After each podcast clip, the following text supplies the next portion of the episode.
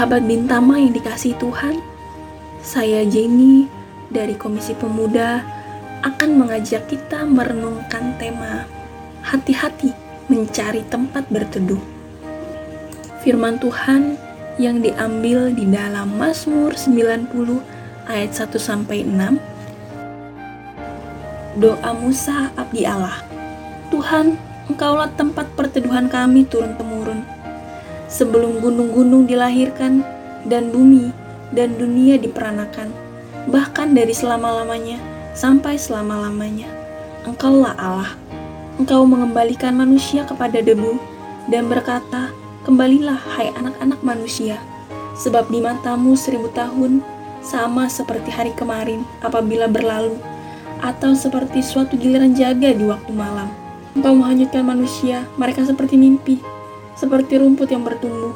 Di waktu pagi berkembang dan bertumbuh, di waktu petang lisut dan layu.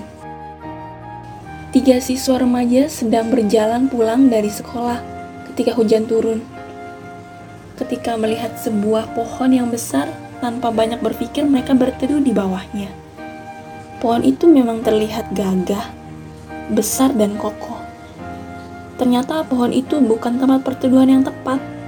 Saat hujan turun, terlebih lagi ketika petir menyambar. Satu dari antara mereka meninggal dunia, dan dua orang lainnya mengalami luka bakar akibat sambaran petir. Peristiwa itu terjadi di Sumatera Selatan pada tanggal 20 Februari 2019. Peristiwa tersebut menggambarkan betapa rapuhnya hidup kita, manusia. Hari ini kita bisa ada dan sebentar, kemudian tidak akan ada lagi. Hari ini keadaan kita bisa baik dan sehat, tetapi sesaat kemudian kita menjadi sakit dan tidak berdaya. Dalam kehidupan yang rapuh ini, Musa menegaskan bahwa kita memerlukan tempat perteduhan yang aman dan yang dapat memberi perlindungan dan yang tidak akan mengecewakan kita.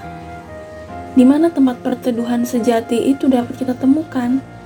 Perjalanan hidup Musa membawanya pada satu pengakuan bahwa Tuhanlah tempat perteduhan yang paling kokoh, sudah teruji turun-temurun, bahkan sebelum gunung, bumi, dan dunia ini ada. Sahabat Bintama, badai seperti apa yang sedang menerpa kehidupan Anda yang rapuh saat ini? Jangan ragu untuk datang berteduh dan berlindung pada Tuhan, karena Ia adalah tempat perteduhan yang kekal. Ia terbukti dapat diandalkan dan tidak pernah mengecewakan, turun-temurun, dari selama-lamanya sampai selama-lamanya. Tuhan adalah sosok yang dapat diandalkan. Bukan hanya bagi Musa pada waktu itu, tetapi juga bagi kita pada saat ini. Demikianlah renungan hari ini. Kiranya Tuhan memberkati seluruh karya kita hari ini.